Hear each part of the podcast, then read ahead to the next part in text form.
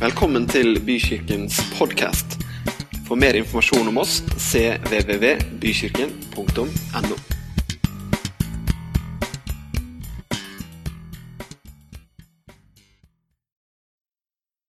I dag så har jeg lyst til å snakke om noe som eh, Som Gud har lagt på hjertet mitt. Og se her, du. Mye spennende. Men aller først har jeg lyst til å, eh, ta dere litt med inn i fysikkens verden. Hvor mange liker fysikk? Det er litt spennende, altså.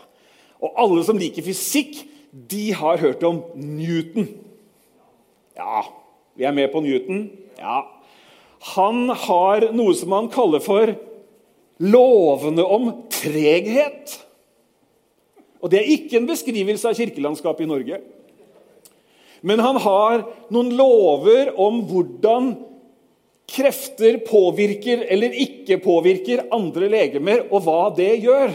De kaller for treghetslovene. Det er tre av dem, og i dag skal vi ta de to første. og det neste kommer neste uke. Nei da, skal ikke det. Men, men, det er bare litt morsomt, for det, du skjønner etterpå hvorfor jeg snakker om det. Men den første treghetsloven er som følger. Alle legemer og Da kan du tenke på deg sjøl. Nå, nå, er det jo snakk om mekanikk her. altså egentlig. Har dere sett, der, har dere sett der, disse kulene som henger, og så slipper du én kule, og så spretter den ut med andre siden? ikke sant? Og Det, det, det understreker dette poenget. her. For treghets, den første treghetsloven sier at alle legemer bevarer sin tilstand av ro eller jevn bevegelse i en rett linje dersom det ikke er blitt tvunget til å endre denne tilstanden av krefter som blir påført. Det er den første treghetsloven. Altså, det betyr at hvis du setter noe, en gjenstand, der, så skjer det ingenting med den gjenstanden hvis ikke det kommer noen krefter og beveger den.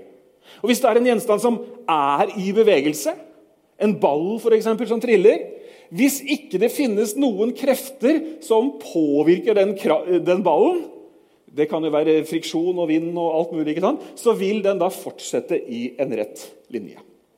Og det er 'fortsette' eller 'fortsett' som er det jeg har lyst til å snakke om i dag. Fordi at Det er ikke bare Newton som snakker om legemer i bevegelse. Men Bibelen snakker om mennesker i bevegelse. Bibelen snakker om deg og meg som mennesker, som levende skapninger som er i bevegelse. Og Kanskje du tenker at jeg er neimen ikke mye bevegelse. Nei, nå er sikkert kostholdsrådene og rådene om fysisk fostring videre at du bør bevege deg noe. Og jeg er sikker på at noen allerede har starta det nye året med å bevege seg mer enn det de gjorde i fjor. Det ser sånn ut i nabolaget vårt. i hvert fall. Det er folk som traver mer enn de gjorde rett før jul. Fram og tilbake. Og Jeg har sjekka skrittelleren min sjøl. Det er fint å være i bevegelse. Men det som er, er at treghetsloven den påvirker på mange måter oss mennesker også. For denne ballen som er på vei et sted, hva kan bremse den? Forslag jeg ga jo allerede sagt det. Friksjon, hinder, dumper i veien osv. Altså, ting skjer i den fysiske verden. Altså, Hvis den skulle ha fortsatt uendelig, da måtte den vært i et vakuum.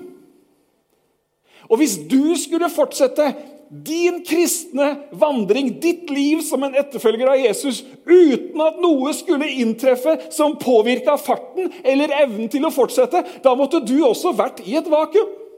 Og Det finnes jo visse kristne bevegelser opp igjennom som har tenkt at vi lager oss et vakuum. Vi lager oss en liten sånn egen boble som gjør at vi skjermer, oss, vi skjermer oss mot all mulig slags påvirkning. Og da klarer vi liksom å bevare troen. Da kommer vi til å nå målet en gang. Ikke sant? Det finnes jo ulike sånne eh, trender som har vært opp igjennom. Og hvorfor er det sånn at Bibelen har da diverse oppfordringer om å fortsette? Jo, fordi at Gud har skapt oss. Gud vet hvordan det er å være menneske. Og han vet at hvis du, hvis du et lite øyeblikk leker at du er en ball, så vet han at du vil møte hindringer som senker farten. Han vet at du vil møte på ting som gjør at du endrer retning. Kjenner du noen som har endra oppfatning? Ja, men Det er et godt tegn mange ganger, men det kan også være dårlige nyheter å endre oppfatning. All endring er ikke til det gode, men poenget er at i Bibelen så er det faktisk flere ganger, og spesielt i Det nye testamentet, at apostlene skriver til de troende og sier 'fortsett'. Sier 'fortsett'. Og Derfor har jeg lyst til å snakke om det å fortsette i dag. I 1. Timoteus 4,16, det står ikke på veggen, men der står det Fortsett med det du gjør. Paulus skriver til Timoteus. Timoteus er en troende, han er en som jobber i Guds rike, han er pastor osv. Og, og han får beskjed fortsett med det du gjør. Vær nøye på å leve rett og forkynne rett lære. Da vil både du og de som hører på deg, bli frelst. Oi, for et fantastisk løfte! Han snakker altså her om at hvis du fortsetter å gjøre det som rett er, hva kommer til å skje? Jo, du kommer til å toge inn i himmelen med flagget til topps. Ja, men Er det ikke det vi skal? da? Vi skal jo, vi, har du ikke lest i boka om seierskrans og evighet med Gud og alt mulig? Du skjønner, Gud har jo ikke tenkt at vi skal starte et eller annet liv her med han, og så skal vi liksom treffe en dump eller møte en vegg eller liksom ta en sving, og så var det over. Nei, han vil at du og jeg skal fortsette. Amen. Er ikke det fint at det er en som heier på deg, som sier 'fortsett'? Det er så herlig å se de der trenerne, vet du, de som bare kan løpe 25 meter. Men har du sett når de løper 25 meter ved siden av en skiløper og liksom eh, sekunderer dem og får liksom en piff i dem? Er ikke det fantastisk å se på? Du har en ved siden av deg, du har en i deg som ikke får deg bare til å fullføre den runden, men som får deg til å fullføre løpet. Som sier 'fortsett'. Amen jeg skal snakke om å fortsette i dag. Og Det første er fortsett i fellesskapet med Jesus. Fortsett i fellesskapet med Jesus. I 1. Johannes brev 2,28 sier, Og nå, dere barn, fortsett å leve i fellesskap med Jesus, for da vil dere ikke ha noe å frykte den dagen han kommer igjen. Dere vet jo at Jesus var feilfri. Dere vil også bli sett på som feilfrie pga. han, for han har gitt dere et nytt liv. Fortsett i fellesskapet med Jesus. Hva er fellesskapet med Jesus? Det må vi jo finne ut, for, for det er jo det vi skal fortsette i. Hva er fellesskap med Jesus? Bibelen sier her 'fortsett med fellesskapet i Jesus'. I den gamle oversettelsen står det 'bli i Jesus'. Altså, Vær der hvor du er. Hva vil det si å være i Jesus, da? Er det liksom kjøp deg en Jesus-kappe, kjøp deg Jesus-briller og liksom eh, tren på noen Jesus-sitater? Hva betyr egentlig det? Og du, Så ofte vi bruker det uttrykket 'relasjonen med Jesus'. Har du ikke hørt det på noen møter de siste årene? Ja, relasjonen med Jesus. Og så er det noen av oss som ikke er så romantisk anlagt, som syns at det nesten blir litt sånn klissete med denne relasjonen. Noen som kjenner seg igjen? Og denne relasjonen. Og så hører man noen vitnesbyrd, og no offense, men du hører om noen som, som, tydeligvis har nesten sånne romantiske dater med Jesus. Jo da, jeg tenner et stearinlys noen ganger, jeg også, men ikke fordi vi er på date. Men det står 'fortsett' i denne relasjonen. Hva betyr Hva er denne Men altså, hva er fellesskap med Jesus? Dette har jeg lyst til å bore litt inn i. For jeg har lyst til å vise deg to ting som handler om fellesskapet med Jesus, som jeg vil våge å påstå faktisk at ganske mange egentlig har overst, over, misforstått. Men før det For hvis, hvis, vi må vite hva er fellesskap med Jesus altså hva er felle, det, det er viktig, og så er Jesus viktig. ikke sant? Hvis det er viktig å fortsette fellesskap i Jesus, så er Jesus og fellesskap det er nøkkelordene der. Og La oss bare ta Jesus litt først. Fordi at Jesus han også sleit med at folk på den tiden hadde ulike oppfatninger om hvem han var. Det var mange ulike rykter som verserte. Ja, nei, 'Han er sånn, han er sånn, han er sånn.' Folk så lite grann, hørte bitte litt, og så sa de 'Å ja, det er han'. Han er sånn, og så videre. Og en gang så er Jesus sammen med disiplene sine, og så spør han hvem sier folk at menneskesønnen er. La meg høre det, folkens. Hva er det de sier?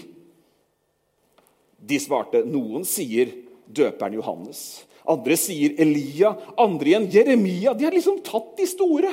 profetene og døperne. Og det er han liksom bare i en litt annen form. Eller noen av de andre profetene. Og dere, spurte han.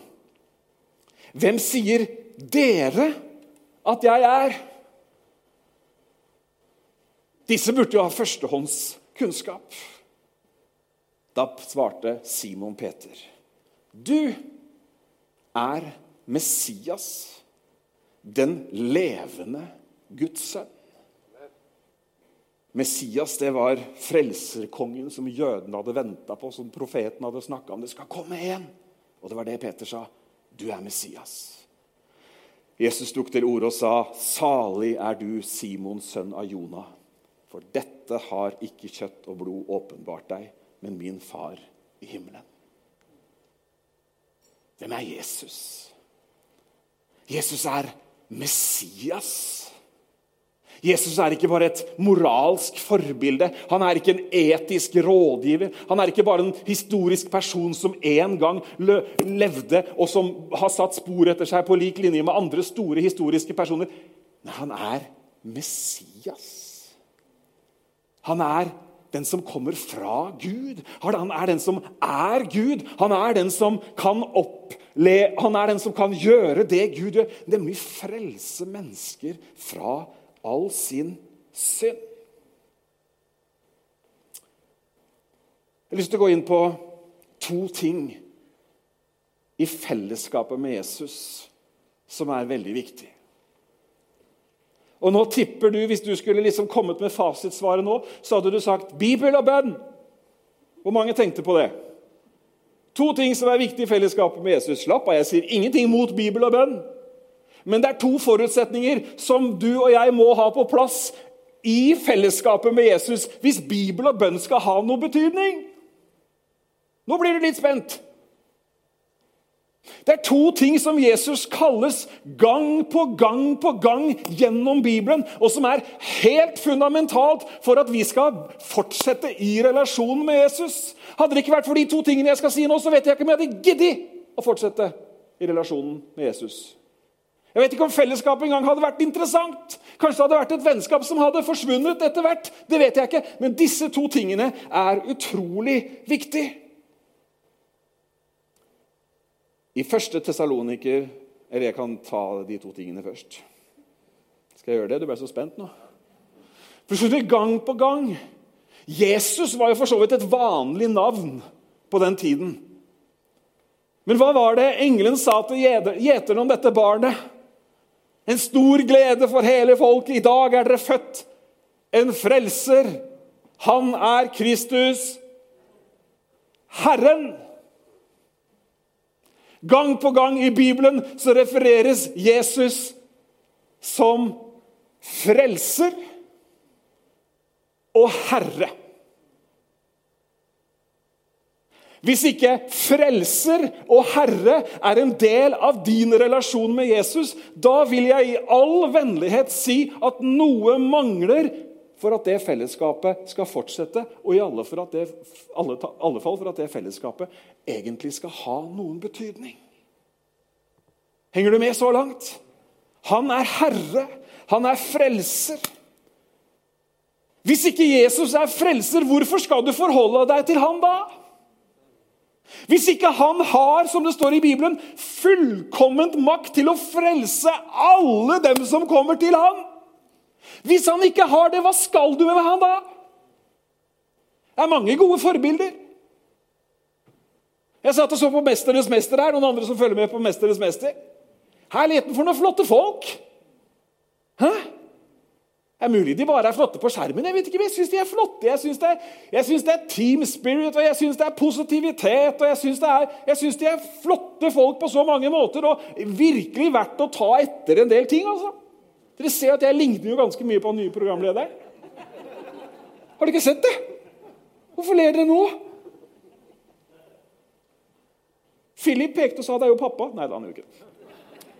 Men altså, Det finnes jo mange gode forbilder. Men du, hvis ikke Jesus er frelser, og hvis ikke du og jeg lever i en forståelse av at relasjonen vår med Jesus, den må vi ha. Hvorfor? Jo, for han er den eneste som kan frelse oss. Han er den eneste som kan ta hånd om det som skiller oss fra en evighet med Gud, nemlig synd. Han er det eneste som har kraft til å helbrede brutte relasjoner. Han er den eneste. Han er frelser. Og du og jeg, vi må fortsette i den relasjonen at han er frelser. Og vet du hva? Jeg trenger en frelser. Jeg, jeg har ikke trengt han sånn direkte i dag, men i går trengte jeg han. Hva mener du nå? Jo, fordi at støtt og stadig så møter jo denne konstante bevegelsen den møter jo på en dump, den møter jo på en stein, den møter jo på at farta forsvant, den møter jo på at noe gikk galt. Hallo, kan vi ikke snakke sant? Jeg trenger en frelser. Jeg trenger en som gjorde og som gjør det som jeg ikke fikser sjøl. Det var umulig for oss som mennesker å leve opp til Guds bud. Og vet Du hva? Du kan sitte her enten du er med på 'Mesternes mester' eller ikke. det spiller ingen rolle, Du kan være så prektig og så flott. Du klarer aldri å tilfredsstille Guds krav. Loven, det funka ikke. Ingen klarte det. Loven bare gjorde det så tydelig at dere trenger en frelser. Og Derfor så profetene. De snakka om at det kommer én det kommer en som skal redde folket. Det kommer en som skal ta bort synd. Det kommer en, Om syndene er røde som purpur, så kommer det en, og så renser han all synd bort. Vet du hva? Å fortsette i relasjonen, i fellesskapet med Jesus, er å fortsatt være kobla på han som er frelser. Og han trenger vi gang på gang. Ja, men jeg ble frelst i 1979. Ja, jeg håper du har trengt han mange ganger etter det. Hvis ikke så er du så bedratt som et menneske kan bli. Han er frelser. Han er ikke bare en flott fyr. Han er ikke bare en kompis. Jo da, Jesus er vår venn. Jeg kaller dere ikke lenger tjenere, men jeg kaller dere mine venner, sier han. Men han er frelser. Han er frelser. Og så er han herre. Jesus er herre. Det er jo noe som funker litt dårlig, å snakke om konseptet. At man i det hele tatt skal ha en herre. Vi har jo sånne dårlige assosiasjoner som hund og herre og herre som slavedriver osv. Men han er herre. Jesus er herre. For de første kristne så bød denne bekjennelsen på store problemer. For du vet at romerbrevet sier det at det er som du tror i ditt hjerte og bekjenner med din munn at Jesus er herre, så skal du bli frelst. Dette bød på problemer for de første kristne fordi at det var Cæsar som var herre.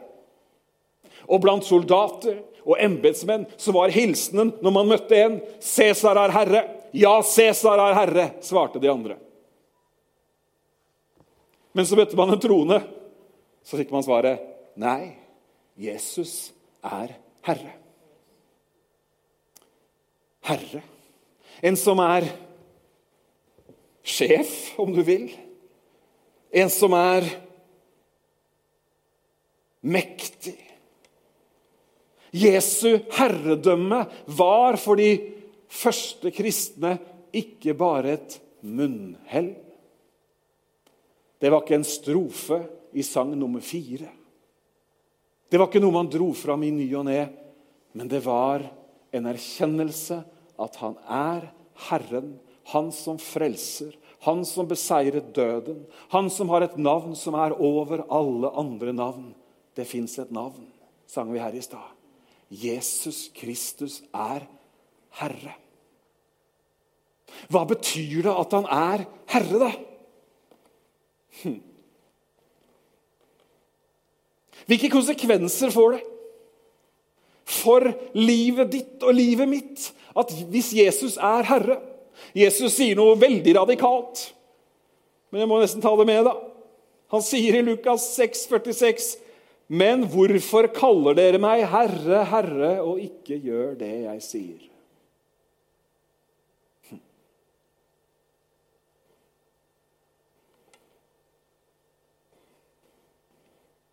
I 1. Tessalonikerbrev 5, 8, så står det La oss som vil leve i lyset, være edru og våkne, så vi kan stå imot i livets kamp. Det handler om å fortsette. La oss beskytte hjertet vårt med troens og kjærlighetens skjold. Beskytte hodet med håpets og frelsens hjelm. Gud hadde aldri tenkt at vi skulle ende opp med hans straff. Nei, han har alltid tenkt at vi skulle bli reddet av Jesus ved at han døde for oss og ble vår Herre og Frelser. Nå kan vi leve sammen med ham, enten vi lever eller dør. Med disse ordene kan dere fortsette å trøste og oppmuntre hverandre. Han døde for oss og ble vår Herre og Frelser.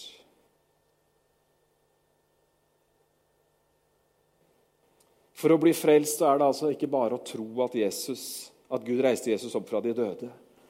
Men i tillegg så snakker Bibelen om at vi bekjenner med vår munn at Jesus er Herre. Han som Herre, han vet hva livet har å by på. Han vet hva livet inneholder av godt og vondt.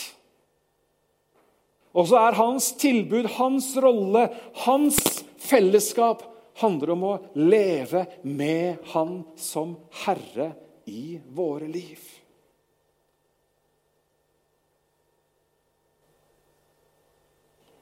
Fortsett i fellesskapet med Jesus. Å fortsette, hva er det for noe? Fortsette, det er å enten holde ved i noe du holder på å gjøre, eller ta opp igjen og fortsette med noe du pleide å gjøre. Vet du, Når du er ute og går tur, så er det alltid noen som ikke Ja, det er alltid, det, man blir jo alltid sliten. Og da er den ene måten man bruker 'fortsette' på, er at si nei, vi fortsetter litt til. Tempoet er der, men vi fortsetter litt til. Sånn er det for noen av oss. Andre ganger så har vi satt oss ned og tatt en lang pause. Og man faller for fristelsen til at nei, det var vel dette som ble turen i dag, da. Kanskje det er sånn noen ganger i, i livet vårt som troende også. Vi har liksom satt oss ned, vi har landa på et eller annet sted. Men du, fortsette er å gå i gang igjen med det du holdt på med. Vet du hva jeg tror at vi i dag, ved starten av et nytt år, så tror jeg kanskje at vi er, vi er, vi er på de to planetene. Egentlig, eller Vi er på de to, i, de, i de to tilstandene. Enten så er vi der at vi, liksom, vi bare har en fart, og så eh, snakka pastoren litt i dag om og vi fortsetter osv. Og, og det gjør jeg. Vi fortsetter. Vi skal fortsette, dere. Vi har ingen planer om å gi oss. Var ikke det godt å vite? Trenger ikke å begynne å liksom sjekke hvor skal, jeg, hvor skal jeg bli medlem hen neste gang. Nei, bare bli her. Vi skal fortsette. Var ikke det fint? Andre ganger så har man opplevd i livet, og det opplever alle i livet, nemlig at det faktisk har stoppa opp. Jeg kjenner mange mennesker det har stoppa opp. Livet, fellesskapet med Jesus, med Han som frelser og Herre, det var en gang, men det har stoppa opp. Da er de gode nyhetene at det å fortsette betyr å gå i gang igjen med det du holdt på med. Er ikke det fint? Du kan komme tilbake. Du kan fortsette. Timoteus, han som fikk den oppfordringen, la oss da bare sånn som du holder på, fortsett. Han hadde lyst til å slutte å fortsette. Det er et annet ord for å stoppe. Han hadde lyst til å gi seg. Omstendighetene kokte, det var heftig. Han hadde lyst til å kaste inn håndkleet. Og det er helt greit at man har den lysten. Men det finnes en kraft fra Han som er frelser og herre, som gjør at du og jeg kan fortsette. Du kan fortsette ved Den hellige ånds kraft. Fortsette i fellesskapet med Jesus. Vi må jo gå litt videre.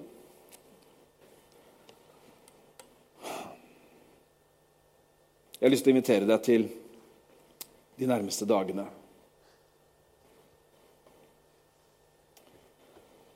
og tenke over de to tingene. Frelser og Herre. Og jeg har til og med lyst til å utfordre deg spesielt til å tenke på det som har med Herre å gjøre. Og så tilbake til hva er fellesskapet med Jesus. Og jeg eh, svarte for dere og sa at du tenker at nå kommer jeg til å si Bibel og bønn. Du skjønner, Bibel og bønn er to helt essensielle ting. Men hvis Jesus ikke er herre, hva betyr da det som står i den boka?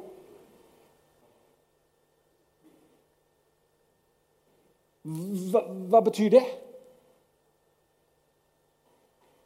Hvis ikke det er sånn at han som er herre, befaler noe, sier noe, oppfordrer til noe, oppmuntrer til noe Hva, hva er vitsen med å be hvis han ikke er herre?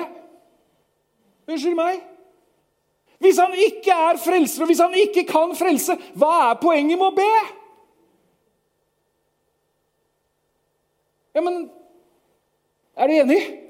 Altså, hvis han, ikke, hvis han ikke har evne til å endre på den situasjonen, hvorfor skal du da be?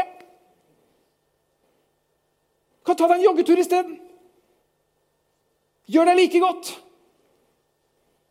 Setter jeg det på spisen? Ja, jeg gjør det. Prøver å få fram et poeng. Du skjønner, Så når vi skal fortsette i fellesskapet med, med, med, Jesus, så handler det om Bibel og bønn. For hva skjer i bønnen? Jo, Herren gir ordre. Herren viser vei. Herren, han som vet alle ting, deler av sin visdom, peker på løsninger, gir oppmuntringer osv. Han som er frelser, han kommer med sin frelsende kraft gang på gang, for han er fortsatt frelser. Da er det jo litt mer interessant å be også. Dette var reklamen for bønneuka som begynner i morgen. dere. Det hadde jeg ikke tenkt, men det passa veldig fint å si det. Så det er bønneuke i morgen. Det er litt sånne ulike ting som skjer på de ulike dagene. Du må følge med på Facebook. Håper du får med deg veldig mye. Og i alle fall så burde du etter, etter det dette teamet gjorde i dag, så burde du i hvert fall få med deg bønn- og lovsangskvelden på torsdag. Ikke sant? Om du liksom får med deg én ting, så ta den. Nei da. Få med deg den ene tingen, du. Men dere, er dere med på det? Altså, han, altså, hvorfor skal vi be? Hvorfor skal vi, hvorfor skal vi lese Bibelen hvis det er en, bare en historie, da? Unnskyld meg, sier Jesus, men altså, hva er poenget med å si at jeg er herre hvis ikke hvis, altså hvis, hvis, han er min herre, da betyr det jo noe at han sier at jeg skal skynde meg å gjøre opp med min motstander. Jeg skal skynde meg å forsone meg med min fiende mens vi ennå lever. Da betyr det jo noe, da. Det er bare en av de tingene Herren sier. Og hvis man åpner Bibelen med, med, med, fordi man er i fellesskap med Jesus, som er Herre, og vet at hans ord de har autoritet, da påvirker det jo livene våre. da. Ja, men jeg har ikke lyst til at livet mitt skal bli påvirka. Nei, det er en helt annen sak. Og Det er en helt ærlig sak, men du og jeg, hvis vi skal fortsette å leve i fellesskap med Jesus, så handler det fellesskapet og nå skal jeg snart si punktum for dette punktet her, det handler om at han er frelser og herre. Lykke til i neste bønnestund. Vet du hva han sier til Peter, som har skjønt at han er frelser og herre? Han kaller han Messias, den levende Guds sønn. Da sier Jesus, 'Dette her, Peter, dette har du ikke funnet på sjæl.' Og på det, den bekjennelsen der, at jeg er den der som du sier at jeg er, så skal jeg bygge min menighet. Og vet du hva? Dødsrikets porter skal ikke stå seg mot det. Halleluja. Hvorfor? Fordi Peter var i fellesskap med Jesus Kristus som frelser og herre. It's a totally different game når han er herre. Jeg møter mange, og det er populært i vestlig verden i dag.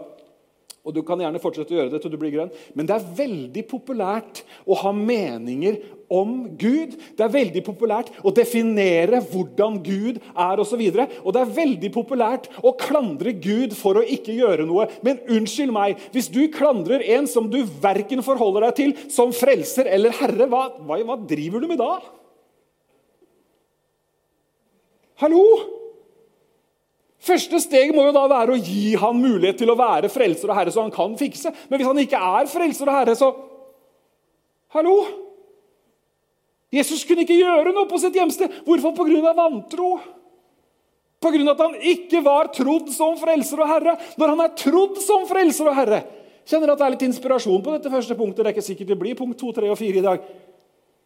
Frelser og Herre.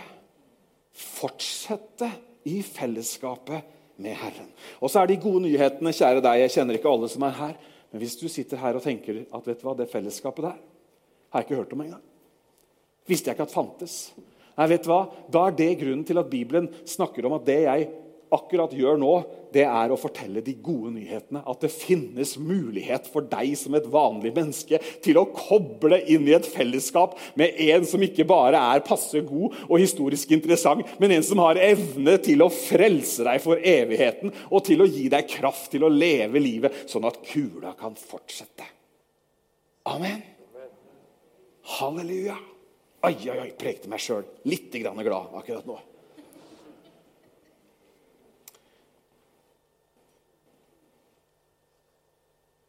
Det neste Bibelen sier at vi skal fortsette med. Det er veldig mye, så vi skal ikke ta alt. Altså, men vi må bare ta noen ting. Det Nummer to er fortsett det helhjertede arbeidet. Vi leser i 1. Korinterbrev. Dødens makt kommer av at vi synder, og syndens makt kommer fra loven som Gud ga Moses. Men takket være Gud får vi på tross av dette seier. Det er en hel preken bare der. Dette skjer fordi vår Herre Jesus tok vår straff. Derfor, kjære venner, må dere holde fast på troen og ikke gi opp. For fortsett det helhjertede arbeidet deres for ham, for dere vet at arbeidet deres i Herren ikke er forgjeves. Fortsett det helhjerta arbeidet. Vet du hva? Jeg føler meg så privilegert som er en del av en forsamling med mange medarbeidere som helhjertet er med på å utgjøre denne menigheten.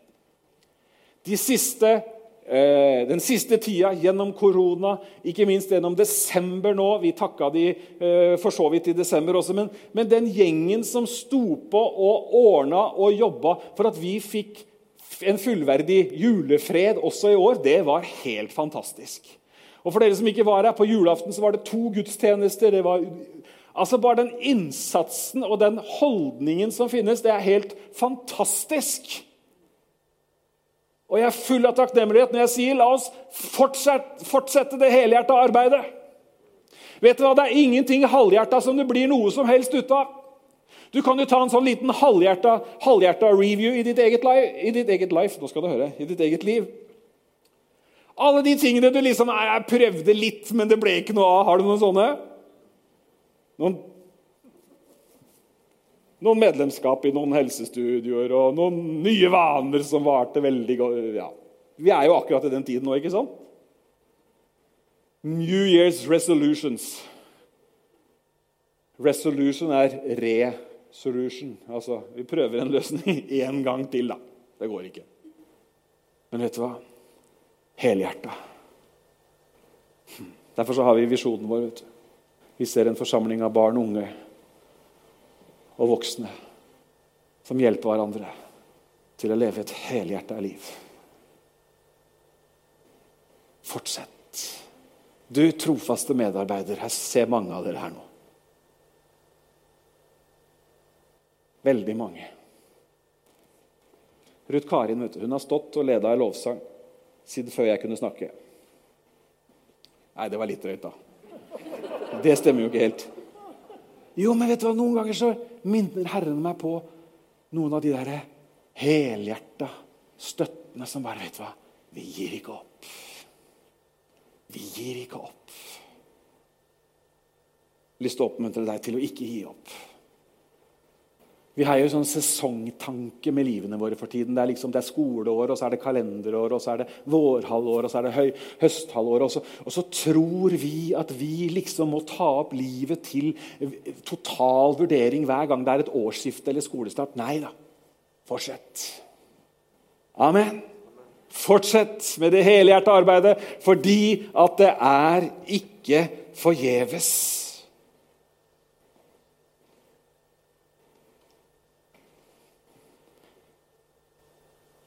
Men det er arbeid.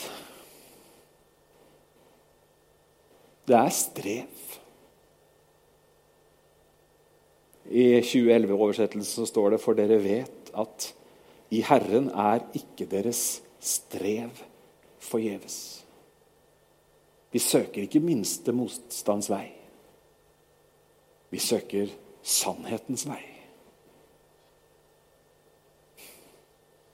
Vi tenker ikke bare 'hvordan kan vi liksom mm, mm, mm. Nei, vi vet at det vi gjør, det er ikke forgjeves. Akkurat nå så er det noen i andre etasje på andre siden av veggen der som søndag etter søndag åpner Bibelen, planlegger aktiviteter, leder i lovsang. De er knapt tre år, de minste. Vi gjør det helhjerta, for vi vet at det er ikke forgjeves. Jeg preker de søndagene jeg gjør, fordi jeg tror at det er ikke forgjeves.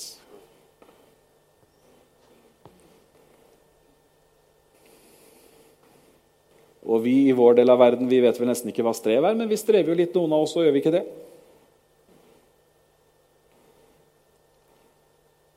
Fortsett.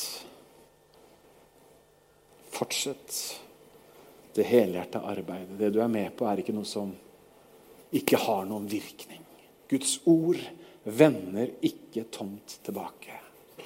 Hva de som hører deg, de som ser deg, de du leder, de du hjelper, de du legger til rette for Hva de ender opp med å velge, det er ikke ditt ansvar. Men vi vet at Guds ord det er levende, det er spiredyktig. Det har en evne til å gjøre noe også langsiktig når ikke vi ser resultater. Så Derfor så sier jeg som Paulus, bli ikke trette av å gjøre det gode. Amen. Fortsett det helhjertede arbeidet og så tar vi den siste. Fortsett å holde fast på Guds nåde.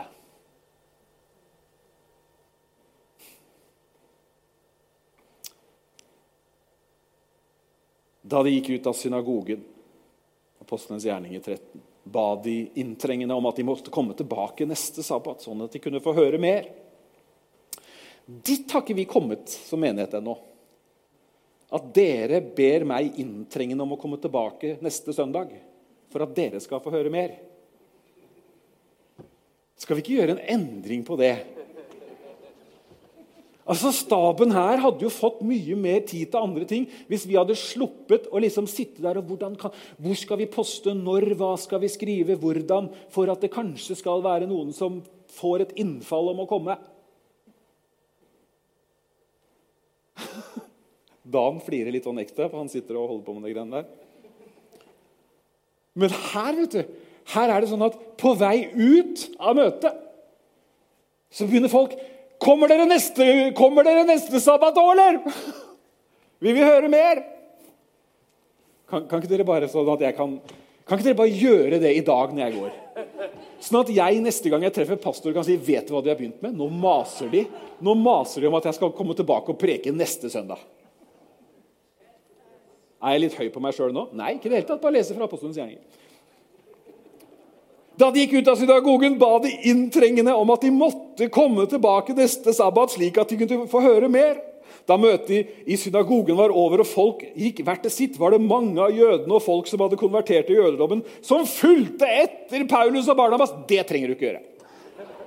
Du trenger ikke å følge etter. Det skal du få slippe. ok? Men de fulgte etter. Herlig, vet du. De snakket, også, også Paulus og Barnabas de snakket med dem og ba dem om å holde fast på Guds nåde. Jeg elsker det uttrykket. Hold fast på Guds nåde.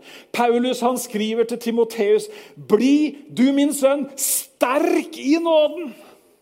Hold fast på Guds nåde. Hvorfor er det så viktig å fortsette i nåden?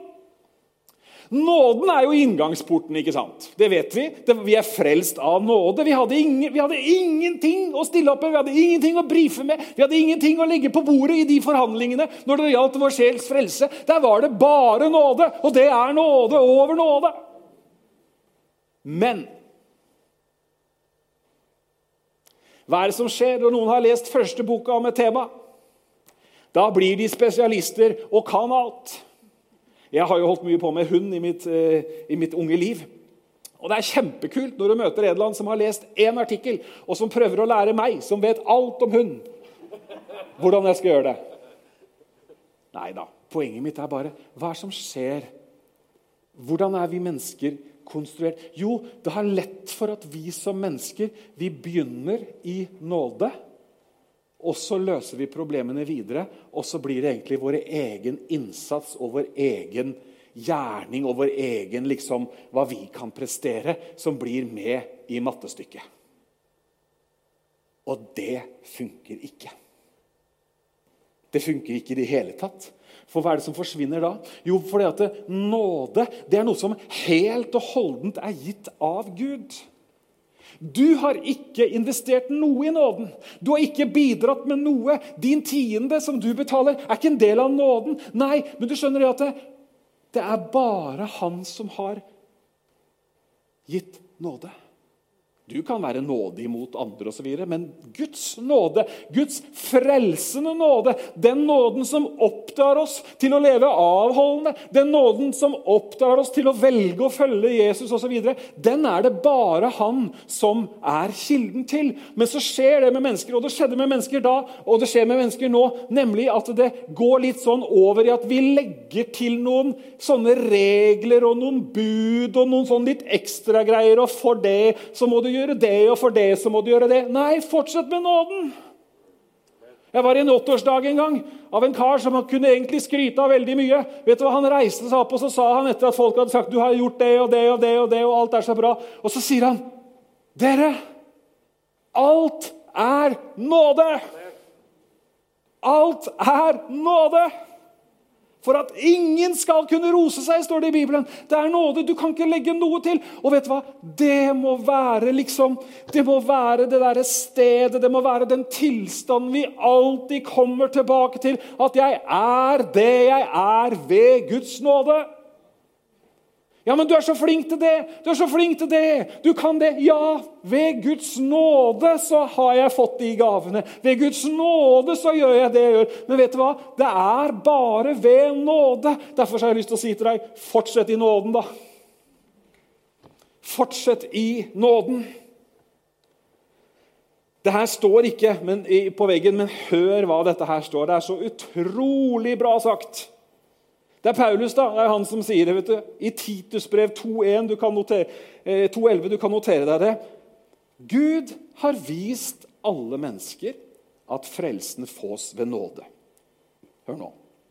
Hans nåde setter i gang en prosess i oss der vi får lyst til å tjene Gud og leve rent for Han. Skjønner du hvorfor jeg sier at du skal fortsette i nåden? Hvorfor? Jo, for den nåden setter i gang en prosess i oss. Den skaper den der gnisten som tenner en flamme, som gjør at vi får lyst til å tjene Gud og leve rent for Han. Den gir oss lyst, står det, til å gå imot det Gud ikke liker, og de egoistiske lystne som denne verden er preget av. Derfor strever vi mye heller etter å være fornuftige og leve livet vårt for Gud mens vi er her på jorden. Vi vet nemlig at vår store Gud og frelser Jesus har et herlig og evig liv for oss når livet på jorden er over. Han har gitt seg selv for oss, slik at vi skulle bli kjøpt fri fra denne urettferdige verden. På den måten har han renset oss og gjort oss verdige til å bli Guds barn, slik at vi også kan gjøre godt mot andre. Og så hør hva han sier her. Dette er, det er Paulus, da. Dette må du undervise menigheten om. Jeg liker hverdagsbibelen. Er det flere som liker hverdagsbibelen? Dette må du undervise menigheten om. Og det er det jeg holder på med nå. Nå gjør jeg det som Titus fikk beskjed av Paulus om å gjøre. Ok? Har ikke funnet på det sjøl, fant det i Bibelen. Dette må du undervise menigheten om. Hva da? Jo, fortsett med den der nåden, for den nåden den setter i gang en prosess i oss som gjør at ikke vi må, men vi vil. Ja, må jeg lese Bibelen? Nei, men du får lov. Må jeg være med på bønneuka? Nei, men du, du er velkommen til å komme. Guds nåde. Kjære Gud. Vi må stoppe her.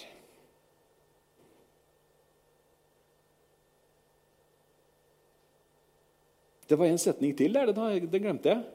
Skal du ha den nå? Han har akkurat sagt ikke sant? dette må du undervise menigheten om. Med utropstegn står det. Så står det du må oppmuntre og irettesette med myndighet, slik at de får respekt for deg. Altså ikke jeg, Titus. Titus fikk beskjed om det. Men så står det jo til oss òg, da. Men altså Er det ikke litt sånn derre Hva sto det? Det kan bare komme, gutter. Ser at dere er klare.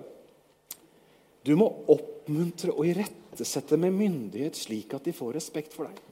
Du vet hva, Jeg håper at denne nyttårstalen min ikke handler et ord eller et dugg om at du skal ha respekt for meg for respektens skyld. Hvis det er noe jeg kan invitere deg på starten av et nytt år til, så er det å ha respekt for Han som er frelser og Herre. La oss fortsette. Amen. Vil du være med å fortsette? Kanskje du har høy hastighet og du vil fortsette. Det er fint. Kanskje du har mista hastighet, men du har lyst til å fortsette. Du er også velkommen til å fortsette. Kanskje du ikke engang har starta, men du vil. Og du vil fortsette. Du vil. Da kan du gjøre det. Alle som tok imot ham. Alle som tok imot ham. Dem gav han rett til å bli Guds barn. Det er der det starter. Det er der nåden slår inn. Det er der vi ikke kommer med hva vi kan, men der hvor vi kommer, og så blir vi hans barn. En herre som er god. En herre som vil det beste. Du vet ingen av de tingene Bibelen oppfordrer oss til. Ingen av de tingene som Bibelen oppfordrer oss til. For du må lese, du må lese helheten. Ingen av de tingene som Bibelen oppfordrer oss til, er ment for å gjøre livet surt for deg på noen som helst måte. Visste du det? Ta mitt åk på dere og lær av meg, sier Jesus. For mitt åk er ganglig, og min byrde er lett.